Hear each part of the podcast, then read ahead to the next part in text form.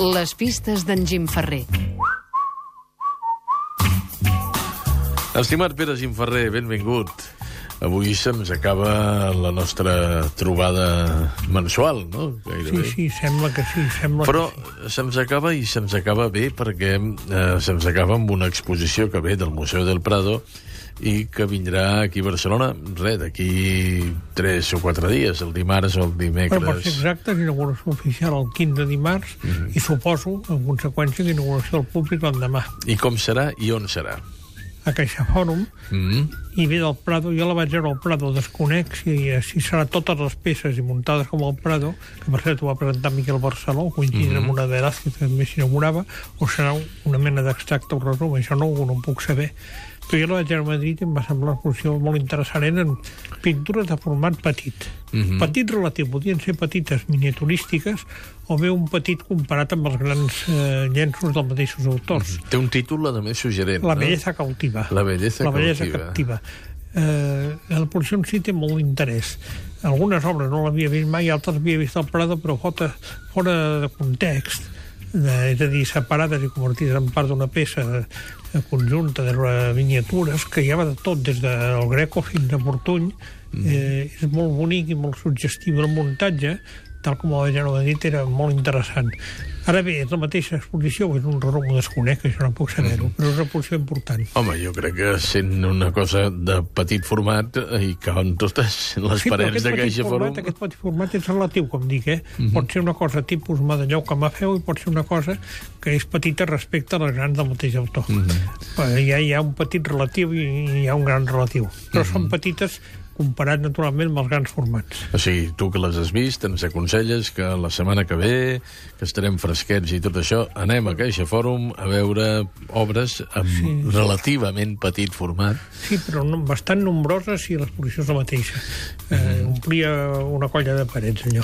El fet de que es facin les coses en petit format eh, també mm, pressuposa una certa habilitat manual, no?, del pintor, perquè... Bueno, però eren tots pintors virtuosistes. Acaba d'anomenar el, el Greco i Fortuny, eren dels Sí, virtuosos sí. del Greco, curiosament, però aquest sí que no hi serà, suposo. Vaig veure fa no gaire eh, un mes aproximat, era un petit format molt bo, també una exposició que hi ha sobre la biblioteca al Prado. No crec que aquesta petitíssima anunci això vagi allà, però petit format, el Greco el dominava i Fortuny també. Mhm. Fortuny feia més petit format que altra cosa fora de la talla de Tuan. Mm -hmm. Però el petit format en feia molt. Home, no pots fer la batalla de Tuan en petit No, format, batalla eh? Tuan, no, no. Bueno, n'hi ha una, però és el, el, el croquis.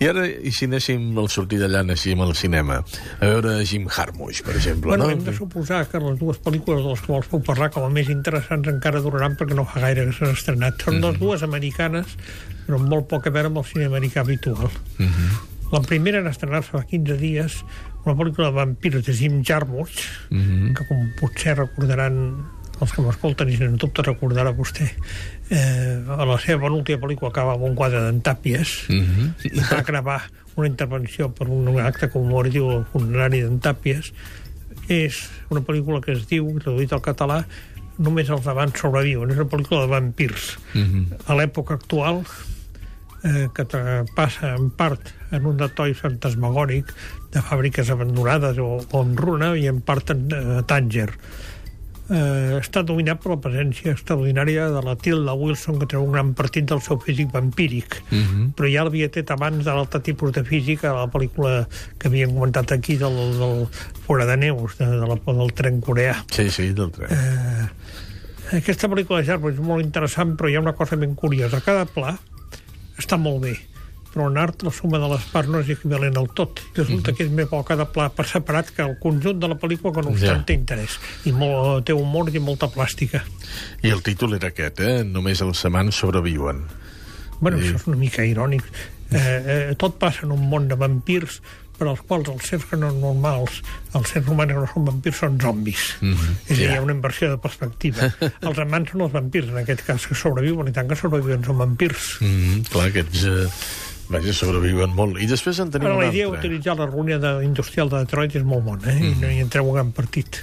I després en teníem un altre, que aquesta sí que li han canviat el Aquesta és títol. una em sembla. excel·lent pel·lícula que en anglès es diu L'immigrant i que evidentment és una al·lusió a la pel·lícula Charlotte Migrant que era una pel·lícula d'humor sarcàstic i aquesta és una pel·lícula clarament polletonesca, inspirada en melodrames potser del cinema mut, i és molt bona, dirigida per James Graves, el director de La noche es nuestra i Two Lovers, interpretada per Joaquim Phoenix, que fa de dimoni com sempre i ho fa molt bé, i Marion Cotillard, que com a personatge sortit d'un melodrama del cinema mut de Borseis o de Griffith se supera a si mateixa, encara que hi ha gent que li posa nerviosa aquesta interpretació, però això és una cosa volguda. Tota la pel·lícula passa de nit i les fosques, mm -hmm. però d'una única seqüència, ple dia, que és flashback i no és real.